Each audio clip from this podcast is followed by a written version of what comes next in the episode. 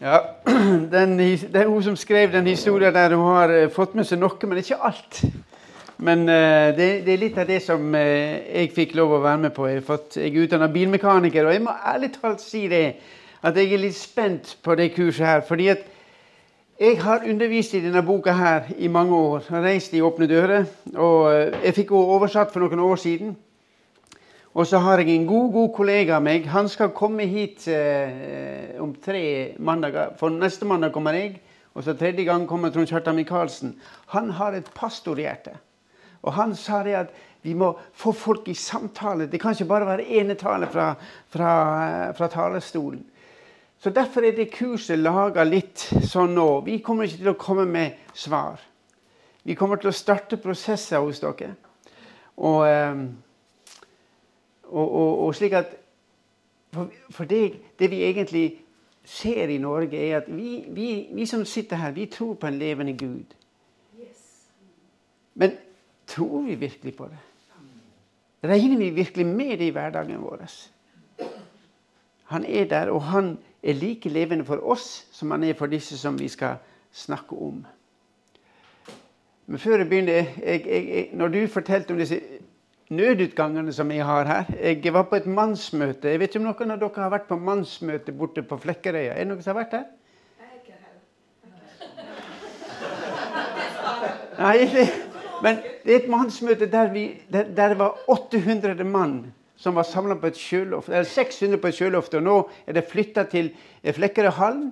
Og når vi var på sjøloftet der, og fikk lov å tale der en gang for, for denne gjengen der da begynner de møtet med å si det. det er akkurat sånn som Gaute gjør nå. Ja, nødutgangene det var på et sjøloft i andre etasje. Borti det hjørnet, det hjørnet, det hjørnet og det hjørnet står det en stige, sa de. Da kan dere gå ned. Og selvfølgeligvis ned trappa òg, sa han. Og så sier han og det var 50-50 på det møtet. Der kom ikke-kristne og kristne. Og så sier han, sier han da, og dere som tror La nå de som ikke er beredt, få lov å gå først. Men jeg regner med at vi som er her, vi er beredt alle sammen. Og det vi skal snakke om på dette kurset, her, det er et undervisningsopplegg der vi gjennom undervisning og samtale, både i plenum og i gruppe, sammen ser hva Bibelen lærer oss om hva det vil si å følge Jesus i vår tid. Og vi bruker aktivt disse lærdommene som vi har fra Den forfulgte kirke, for å belyse og aktualisere ting som møter oss i vår troshverdag. Johan Kompanjen, som var den som tok over etter broder Andreas som verdensleder, han var min nabo i Nederland. Jeg bodde der. Jeg fikk lov å bo fem år i Nederland. Og Johan forteller det at han var på Filippinene sammen med broder Andreas, for de to reiste veldig mye. Og han sitter da inne på en, eh, en restaurant og spiser middag. Og eh, det var veldig varmt der jeg satt. Og Johan han eh, kaller på kelneren, og så peker han opp på aircondition. Så sier han 'Unnskyld meg, men virker den aircondition?' Og Kelneren han svarer 'Jo, jo, han virker, men han fungerer ikke helt godt'.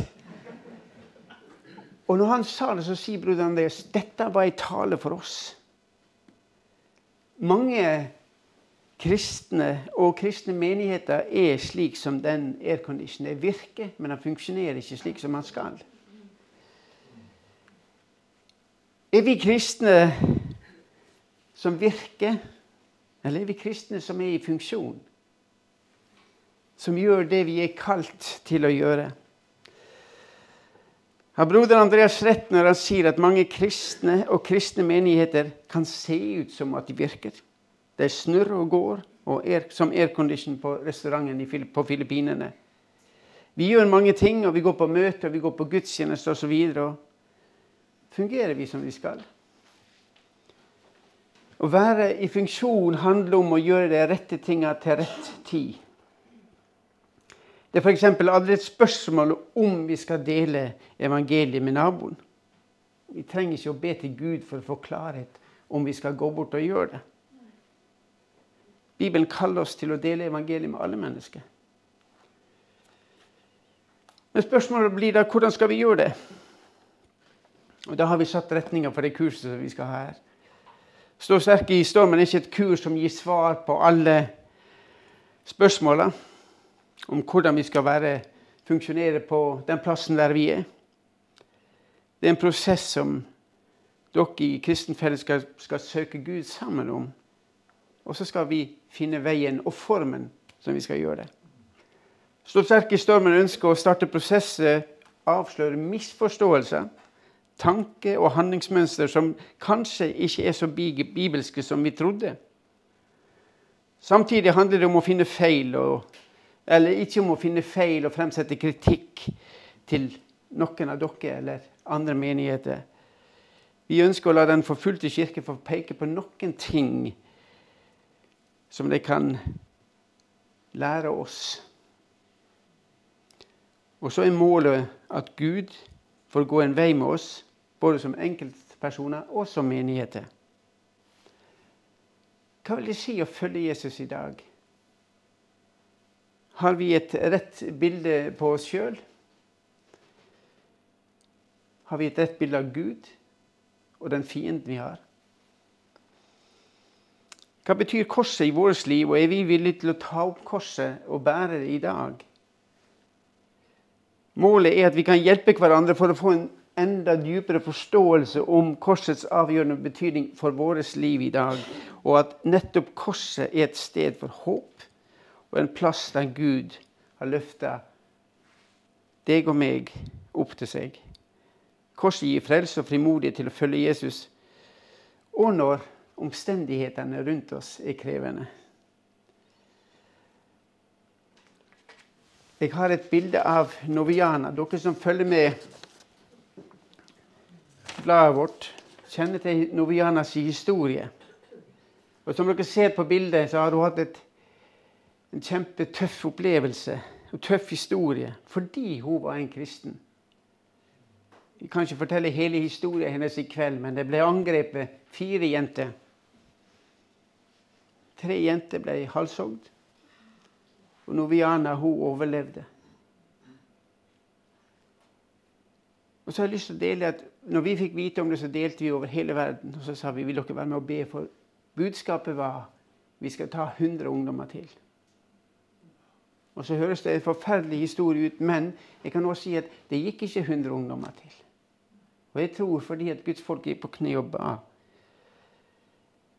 Men den historien har prega hennes liv. Og det endra mye for henne. Hun har traume, redsel, smerte, fortvilelse, sinne, gråt og hat. Og merka gjort mye med livet hennes. Og merker og gitt henne andre muligheter og andre muligheter til å handle. Det unnskyldes selvsagt på ingen måte de som påførte henne denne smerten her. Hun har fått en annen kjennskap til Gud, til seg sjøl og til sine landsbybeboere, ja, også overgriperne sine. Og merket har gitt, gitt henne en mulighet som hun ikke hadde før. Det har påført vonde ting, men det har også gitt henne andre muligheter.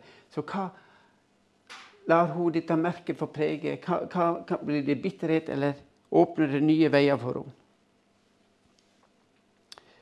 Nå er Noviana på mange måter et ekstremt eksempel. Vi kommer ikke til å oppleve sånn som dette her er.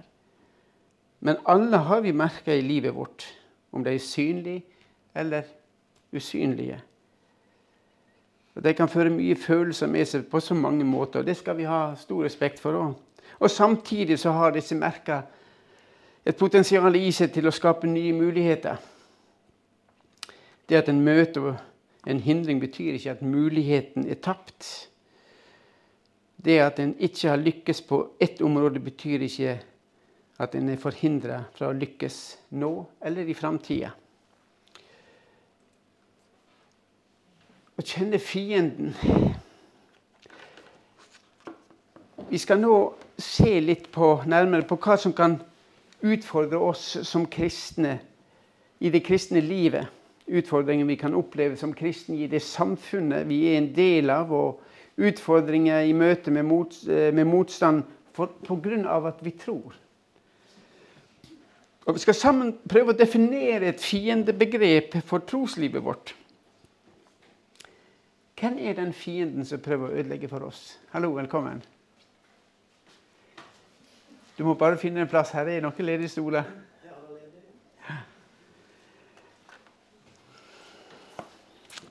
Målet for denne sesjonen er å bevisstgjøre oss både som enkeltpersoner og som eh, kristen fellesskap at motstand er en del av det å være en kristen.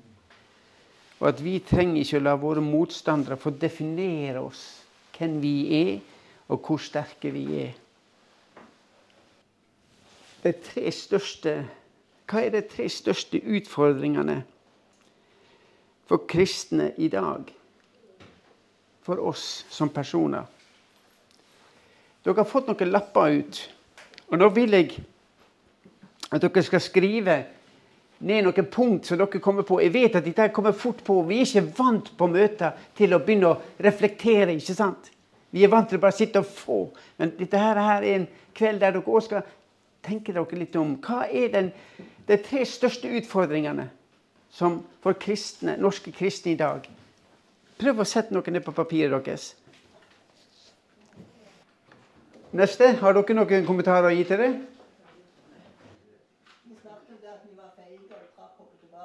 Dere er feige og trekker dere tilbake, ja. Ok. Lite utydelig nei, lite tydelig på troa vår, ja. Mm. ja. Neste bord.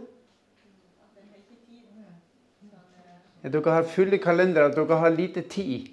Ja.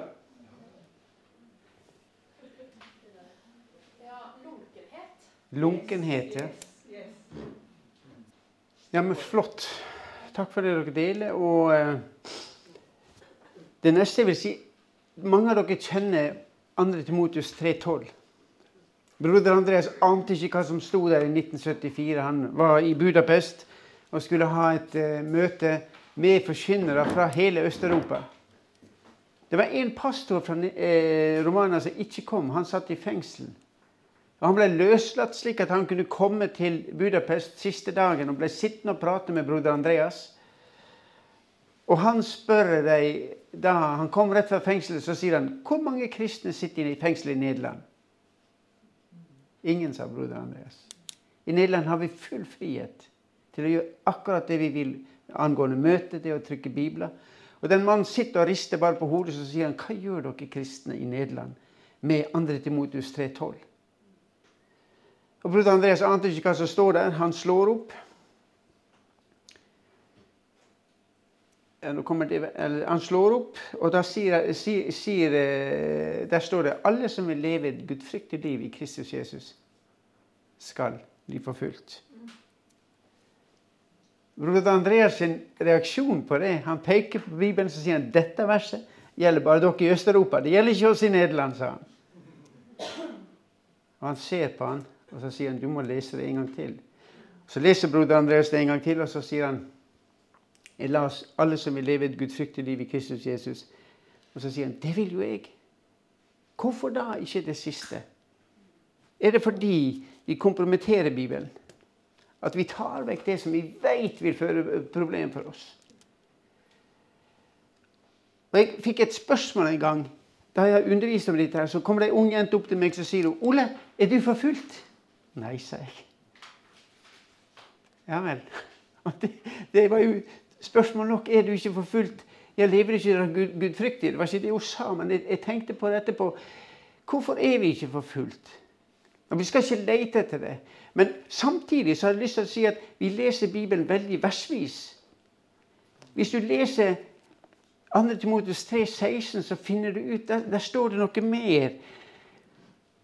Paulus han underviser Timotius, og du har lært dette helt fra barnsbeina av. Og så sier han i vers 16.: Hele Skriften er innåndet av Gud, og den er nyttig til lærdom, til overbevisning, til rettledning, til opplæring i rettferdighet. Og så kommer det viktigste. For at Guds menneske skal bli satt i stand og godt utrustet til all god gjerning. Vi vil møte uh, problem. Og i samtale med disiplene siste, en av de siste kveldene så sier han om verden hater dere, så skal dere vite at han har hatt meg først. Jesus han tegner en forbindelse mellom motstand som vi møter som kristne, og seg sjøl. En palestinsk pastor sa det slik en gang at når vi som kristne forfølges og møter mye motstand, så er det ikke fordi vi er dårligere mennesker enn alle andre. Det er ikke oss de forfølger, men det er Jesus i oss de forfølger. Og det tror jeg er utrolig viktig at vi ser at vi har ikke en kamp mot mennesker. Bare kom inn. Velkommen. Og Det forteller oss at vi har ikke en kamp mot mennesker. Efeserne 6,12. Vi har ikke en kamp mot kjøtt, og, nei, mot, mot kjøtt og blod. Vi har ikke en kamp mot muslimer eller kommunister. Broder Andreas han var i Sør-Afrika og skulle starte, opp Åpne dører-arbeidet der nede.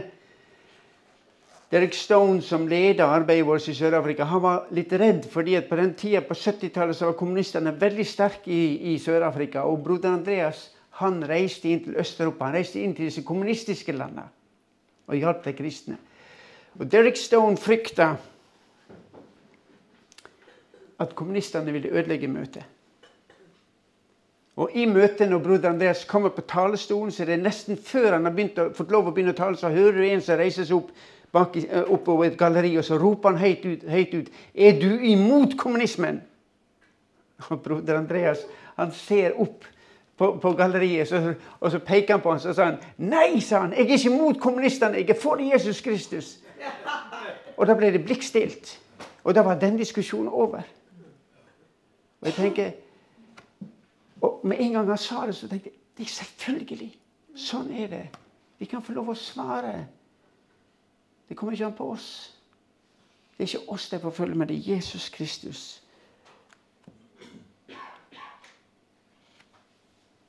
Og vi har en fiende som forfølger og forfører. Fienden forfølger kristne gjennom å forføre andre mennesker til å forfølge, altså han forfører andre mennesker til å forfølge kristne. Han forfører mennesker til å gi feil informasjon. Vri informasjon og få oss til å mistro informasjon. Og så har jeg lyst til å si det. Det jeg nå sier, det gjelder i dag hos oss. Vi blir misforstått. Og det blir vridd på, og det blir lagt. At sånn er dere.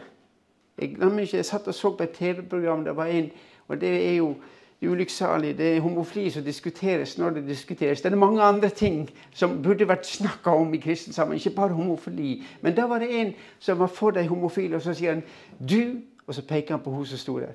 Du hater, hater homofile. Hvorpå den dama som sto der, så, så, så, sier hun jeg skal ha meg frabedt. At du sier at 'jeg hater deg'. Jeg hater deg ikke. Jeg elsker deg like mye som andre mennesker, men dere legger det på oss. Og det er det det blir lagt løgner, og derfor ser vi at vi får problem. Men vi som kristne vi trenger å identifisere fienden som vi kjemper mot som kristne. Hvem er vår fiende? Jo, det er den som ødelegger for oss. Det er den som ødelegger de mulighetene vi har. Jeg har vært inne på det. Den som tar fra oss frimodigheten vår. Og hindrer oss å gå den veien vi vil eller Gud har kalt oss til å gjøre. Og den får oss kristne til å trekke feil konklusjoner. Og Jeg vil at dere skal bruke et minutt nå for dere sjøl og reflektere alene om hvem eller hva definerer jeg som min som fiender i mitt liv? Hva er det som er mest utfordrende for mitt kristenliv i dag? Har jeg som person Har jeg en person som jeg opplever spesielt vanskelig? Eller situasjoner som jeg opplever krevende? Hva er det som setter troa mi på prøve i dag? Og i hvilken situasjoner koster det meg mest å flagge troa mi? Dette kan dere få lov å snakke litt om sjøl. Den neste refleksjonen blir å Det skal dere gjøre for dere sjøl. Når vi snakker om hvem, hvem opplever vi som fiende.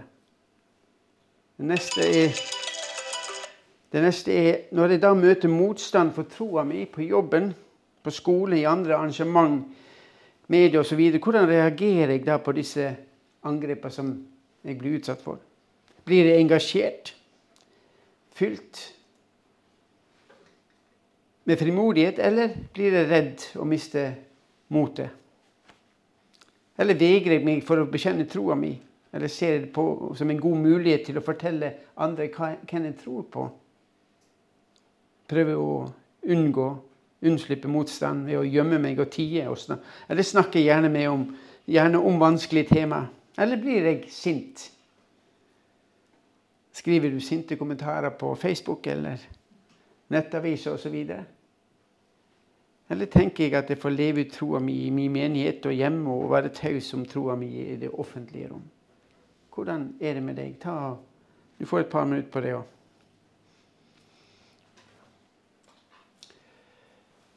Nå har jeg spurt dere hvordan dere reagerer når dere får motstand. Hvordan reagerer vi som kristne? En av kollegene mine var i Colombia. Han fikk eh, høre fra en pastor om hvordan han ble kalt til å være pastor i en lokal menighet oppe i fjellet. En liten avsidelignende, avsidelignende landsby. Han ble invitert til kirkens hovedkontor i Bogotá, som er hovedstaden. og Lederen hans kaller han da inn til og spørre kan du komme og være eh, pastor i denne menigheten. her. Pastoren sa det er greit, det, men hvorfor Og de sier at det har ikke vært en pastor der de siste to åra. Så sier han ja, det er greit, det skal komme, men hvorfor har det ikke vært pastor der de siste to åra? Så sier de sannheten er at de siste pastorene som har vært der, har blitt drept, begge to. Og ingen har turt å reise dit etterpå. Så sier pastoren ok, jeg skal be over dette sammen med kona, og vi skal svare til dere i morgen. Og Neste dag så gir de svar til ledelsen og sa at vi opplever at Gud kaller oss til å reise. Og de pakka eiendelene sine, og de reiste opp fra landsbyen. Da de kommer til landsbyen, så eh, går pastoren rett inn i kirka og han begynner å ringe med kirkeklokken for å si at nå er pastoren kommet. Og Bare få minutter etterpå så kommer en mann gående inn i kirka. og Han går frem til pastoren, og han introduserer seg sjøl, og så sier han Jeg er den lokale mafialederen her. Og det er jeg som drepte de to siste pastorene i denne kirka her. Og det er jeg som kommer til å drepe deg hvis ikke du adlyder meg og gjør det jeg sier. Gjør du det vi sier, så, ikke, så kommer ikke du til å oppleve noe problem. Men hvis du ikke gjør det, så kommer vi etter deg, og vi kommer til å ta deg. Og forresten, sier han, kirka har ikke vært brukt, vært brukt på to år her.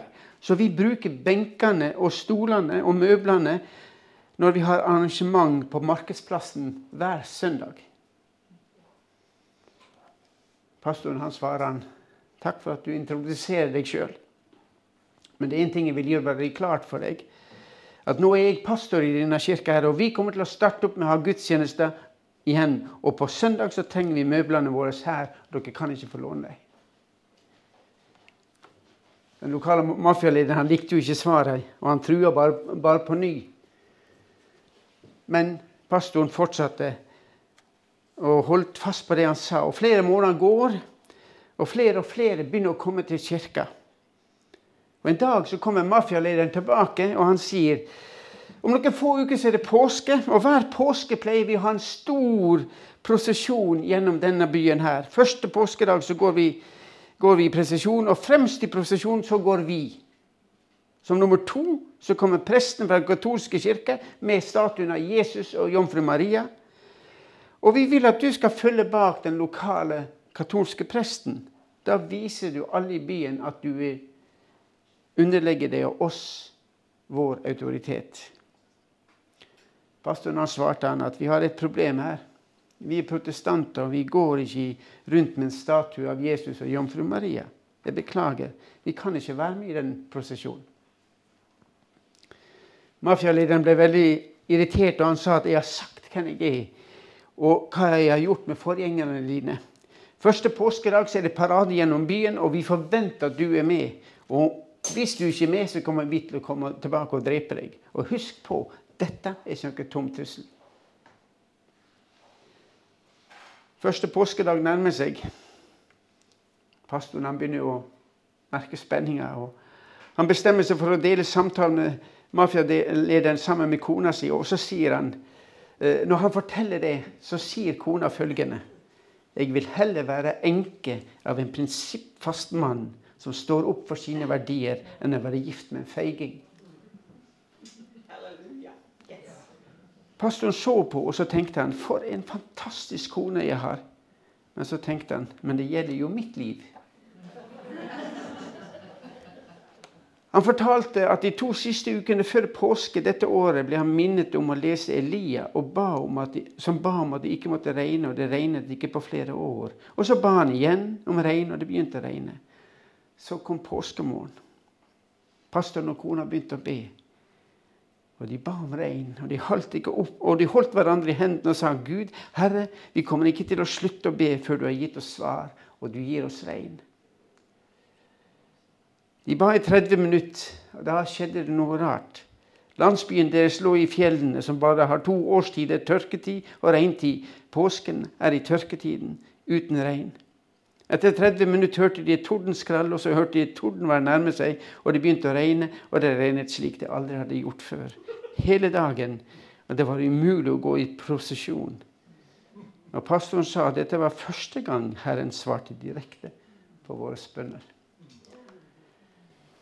Hvordan reagerer vi når vi får motstand? Tør vi å stå? Tør vi å regne med at Gud er den samme på Elias' i tid som i dag? Pastoren han gjorde ikke noe galt, men han utfordra Gud og så sa Gud, nå får du vise deg. Og det utfordrer oss. Når sa du sist Gud, nå må du vise deg? Vi har òg en undervisningsdel i dette her. Det er en kollega av meg, eh, Trond Kjartan Michaelsen, han som kommer ikke neste eh, mandag, men om to, to mandager så kommer han og skal undervise. Og han vil snakke litt mer og undervise om dette her. Da ser vi på det som Trond Kjartan Michaelsen deler med oss. Hvem er din er tema for denne undervisningen. I mange år så ble Kina regna som det landet i verden som forfulgte kristne aller hardest. Pastorer som nekta å legge seg inn under regjeringens ideologi, ble dømt til lange fengselsstraffer, og mange kristne ble fengsla. Og møter og gudstjenester utenom den statskontrollerte Tresell-kirken var strengt forbudt. På den tiden møttes lederne i et av Kinas nettverk av ulovlige husmenigheter til en konferanse. Til sammen så representerte disse lederne mer enn ti millioner kristne som var en del av dette menighetsnettverket. Og Disse husmenighetene de var satt under sterkt press fra myndighetene fordi de ikke ville underlegge seg den statlige Tresellkirken. På denne konferansen så diskuterte lederne hva de anså som de viktigste og største utfordringer de som menigheter sto overfor. Og De ble raskt enige om hva som var de tre viktigste utfordringene, og så planla de strategier for å møte disse. Øverst på denne listen så sto det sladder og baktalelse. Og leder etter leder kunne fortelle om hvordan, denne, hvordan tjenesten deres hadde blitt skada av denne tilsynelatende uskyldige synda innad i menigheten. Én leder kunne fortelle om hvordan en sjalu kollega hadde sendt et brev til mange menigheter der han løgnaktig skrev at denne lederen var kvinnekjær og hadde et forhold på si. Konsekvensen ble jo at pastoren ble nekta å tale i disse menighetene. Og da avsenderen av brevet seinere ble konfrontert med innholdet, angra han og ba om tilgivelse. Han sendte da et nytt brev til menighetene, men fordi at det første brevet ikke var underskrevet, så ville de ikke tro ham. Og så ble det hele en stor seier for djevelen. Pastoren som urettmessig nå hadde fått rykte som kvinnekjær, tok med seg brevskriveren på en spasertur i skogen og ba samtidig plukke fjærene av en slakta kylling mens de gikk. Vinden spredte fjærene fra kyllingen overalt. Og da denne brevskriveren var ferdig med å ribbe kyllingen, sa pastoren nå kan vi gå tilbake samme veien som vi kom, og så kan du samle sammen alle fjærene og sette dem tilbake på kyllingen. Brevskriveren svarte ja, men det er jo helt umulig. Ja, det er riktig, sa pastor. Det er umulig å samle fjærene. Akkurat som det er umulig å reparere den skaden ordene dine har gjort. Problem nummer to for de kinesiske husmenighetene var materialisme. Og problem nummer tre på lista var vranglære. Med andre ord de indre, interne utfordringene i disse husmenighetene var mye mer ødeleggende enn den ytre forfølgelsen vi opplevde fra myndigheten. Skaden av det feile ryktet ramma mange mennesker. Og Det er viktig for oss kristne å være oss bevisst at i enhver kamp så er det en fiende. Og seier eller tap i kampen bestemmes av hvor godt du kjenner fienden, og hvor godt du kjenner taktikken hans. Og hvor god motstrategien din er. Vi trenger innsikt og dømmekraft. Og vi trenger å forstå fiendens måte å jobbe på, og vite hva vi skal se etter. Og Vi skal se på en historie fra Det gamle testamentet som på en god måte synliggjør denne problemstillingen for oss. I 4. Mosebok kapittel 13 leser vi om at Gud gir Moses beskjed om å sende ut tolv speidere for å utforske Kananlandet, altså det landet som Gud hadde lovt israelittene. Gud hadde også lovt at han skulle være med dem, og at han skulle kjempe for dem når de inntok det nye landet. Og De tolv speiderne de reiste inn i landet og utforska det i 40 dager. Så vendte de tilbake og avga rapport for Moses. Og de sa ja, dette landet det, det flyter virkelig med melk og honning. Og dette er frukten som vokser der. Og så hadde de med seg en drueklase som var så stor at to mann måtte bære den mellom seg. Og de hadde med seg granatepler og andre ting som ble dyrka i dette fruktbare landet. Og de kunne bekrefte for Moses at Gud ja, han hadde holdt det han hadde sagt om landet, og det han hadde lovt dem. Landet var godt, og de ville ikke mangle noen ting der. Men det var et men. Fordi at landet var ikke tomt. Det bodde noen der fra før av. Og folkene som bodde i landet, de var sterke.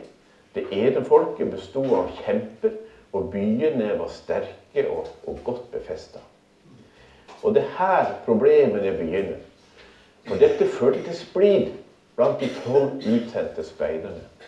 To av dem, de som vi for øvrig husker navnet på, Josva og Kaleb, de sa Kom, så går vi jo inn på landet. Vi kommer helt sikkert til å seire over det. For det var jo dette Gud hadde lovt dem. Han hadde jo lovt å kjempe for det. Og Kaleb og Josfa de var klare til å handle på Guds løfte. Men de ti andre speiderne sa vi, vi kan jo ikke gå til angrep på dette folket, for de er sterkere enn oss. Der så vi også kjemper. I, I, deres øyne så, så, var vi som gresshopper. Og, og, det var vi i våre øyne også. Og det her de ti speiderne gjorde en fatal feilslutning. For det var riktig at de egne øyne var som gresshopper i forhold til kjempene. Det som ikke var riktig, var at fienden så på israelsfolket som gresshopper. For det var en løgn. Tvert imot. Fiendefolket var redde israelittene. De visste godt at israelittene hadde fridd at, at, Gud hadde fridd dette folket ut fra egypterhæren, verdens største hær på den tiden. De visste også at hele egypterhæren lå på havets bunn, der israelittene rett før hadde gått tørrskodd over. Og nå frykta de for at israelittene kom til dem. Så fiendefolket var ikke først og fremst redd for israelsfolket. Nei, de var redd deres Gud. For de visste at Israels Gud var mye sterkere enn Egypts guder, og sterkere enn de gudene de sjøl tilba. Så forskjellen på de ti og de to speiderne var derfor To av dem huska hva Gud hadde lovt, og hva Gud hadde gjort for dem tidligere. Og de ville gå i tro til Guds løfte, som de også hadde gjort det i Egypt. Og ti av dem så på sine egne ressurser og sammenligna seg med fienden. Og vi merker oss at de ikke hadde hørt at fienden sa at de var som gresshopper. Men dette var noe de trodde fienden tenkte om dem. Så i stedet for å velge å stole på Gud og formidle Guds løfte, så satte de ti speiderne ut usanne rykter, som i sin tur førte til at Israelsfolket begynte å klage og anklage Gud for å føre dem ut av Egypt. Ja, De begynte til og med å legge planer om å vende tilbake til slaveriet i Egypt. Og Dette opprøret det kosta dem en 40 år lang ørkenvandring. Og det er bare Josfa og Kaleb av de tolv speiderne som fikk oppleve å innta det landet som Gud hadde lovt dem. Og Det begynte med at ti stykker begynte å formidle en løgn. Fordi de så på seg sjøl og ikke på Gud. Og det endte med at et helt folk vendte seg bort fra Gud. Utfordringen til oss, som vi også så fra husmenighetsbevegelsen i, Kina, den utfordringen blir når vi skal kjempe en kamp, når vi skal stå for en sannhet som møter motstand i samfunnet vårt, da er det viktig å ha et riktig bilde av seg sjøl og et riktig bilde av fienden. Ellers så går det galt. Å kjenne fienden, ja, det er tema for dette avsnittet. Å lære oss å avsløre fienden. Og Som husmenigheten Kina så er det viktig for oss å forstå at den største fienden, den er ikke på utsiden. Nei, han er på innsiden. Utfordringen for oss er å skjønne at den viktige kampen den viktige kampen vi kjemper, ja, den kampen er på innsiden. For vi har ikke først og fremst en kamp mot mennesker. altså Vi har ikke en kamp mot den ytre fiende.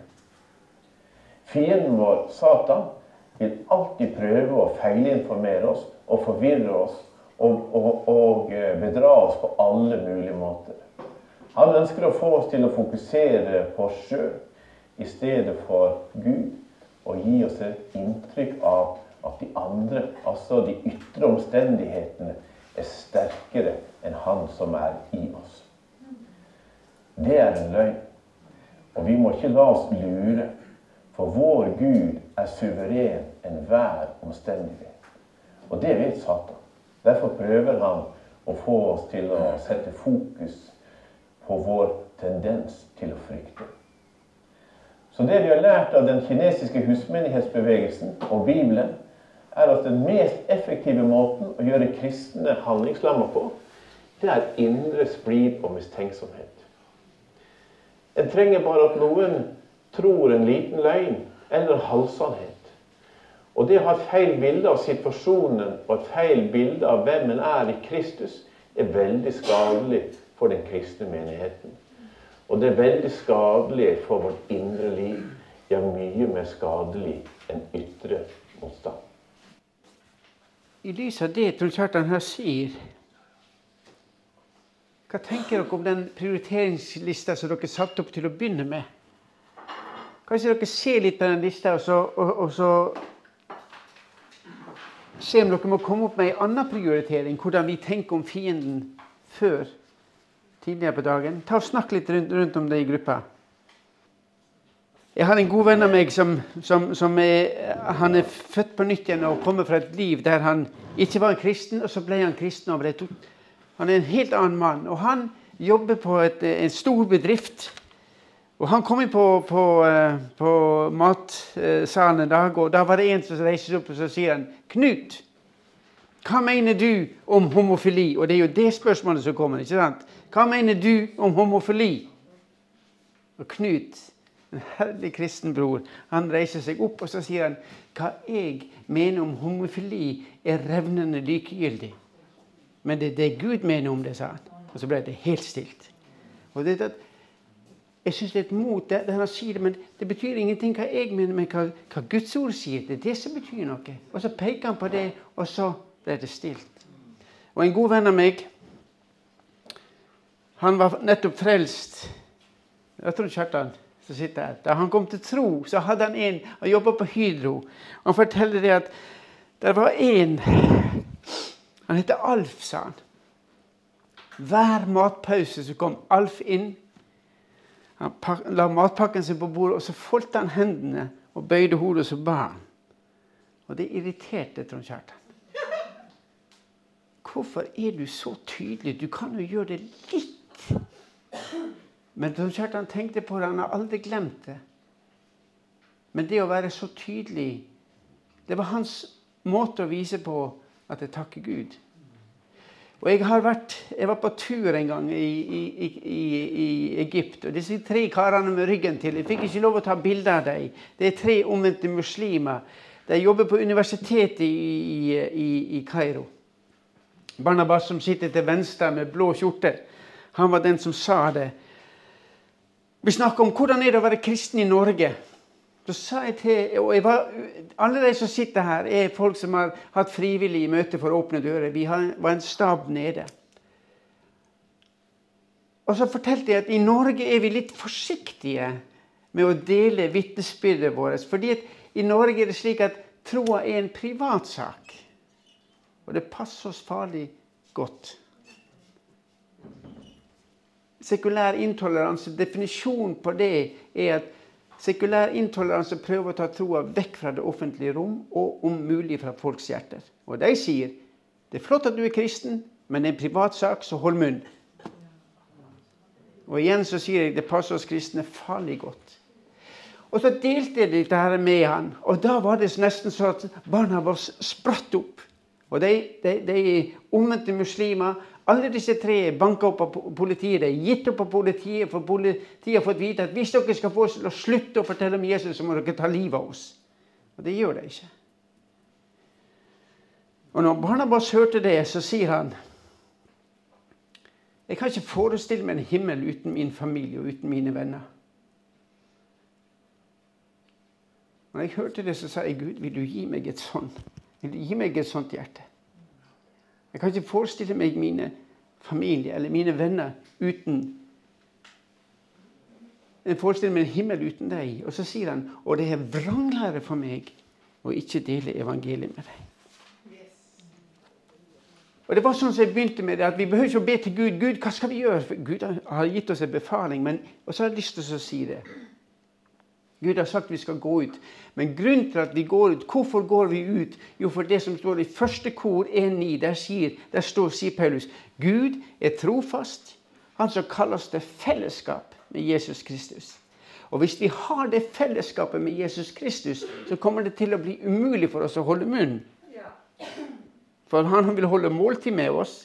Og det vil bli et sånt måltid slik at vi klarer ikke å tie stille. Vi må ut og dele.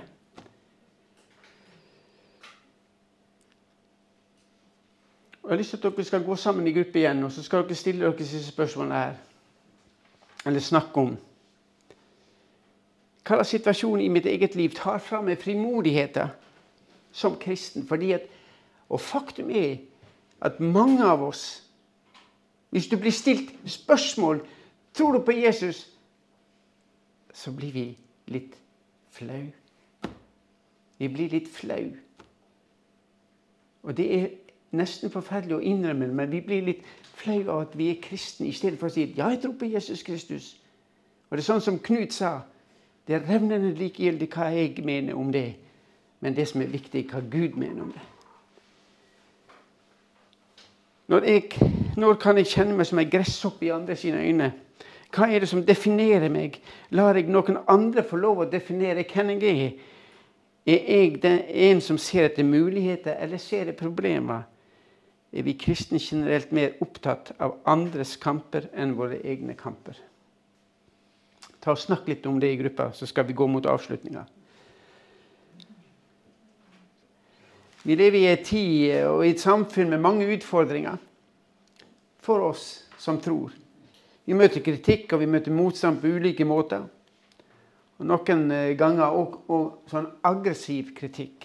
Og det blir klistra klistremerke på oss. Vi blir sagt at sånn er dere.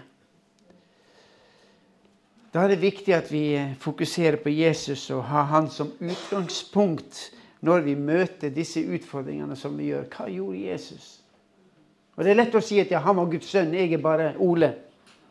Men han har satt en mal for oss. Og Dette skal det jo handle mer om når vi fortsetter med kurset. Samtidig så kan vi også la Gud utfordre oss til å ta et steg i tro og bli mer bevisst på hvem vi er, og hvem han er. Hvordan kan jeg bli bedre rusta til å møte motstand på en god måte? Hvordan kan jeg bli en ressurs for andre, for fellesskapet mitt? Og hva er en god motstrategi for mitt fellesskap for ikke å bli lurt av fienden? Og så avslutter vi med at vi tilhører en trofast Gud som er med oss alle dager. Og han har sagt det. Jeg kommer aldri til å slippe deg. Av og til så tror vi at han slipper oss. Jeg var i Danmark, jeg kjørte ned til Nederland og jeg tok på en haiker fra Hirtshals som skulle ned til Århus. Han var heismotør og ble sittende og prate. og Det kom frem han spurte at jeg var kristen. og Så sier han han var så sint på Gud. Så sier jeg, 'Hvorfor det?' 'Jo, for Gud har glemt meg', sa han. Og Så forteller han at da, neste dag så skulle han på i rettssalen. Kona ville gå fra han, de skulle skilles. Og jeg har det fryktelig vanskelig, og Gud har glemt meg. Og Der satt jeg som kristen, og jeg, jeg kom på det ordet som Jesus sier, 'Jeg vil aldri slippe dere'.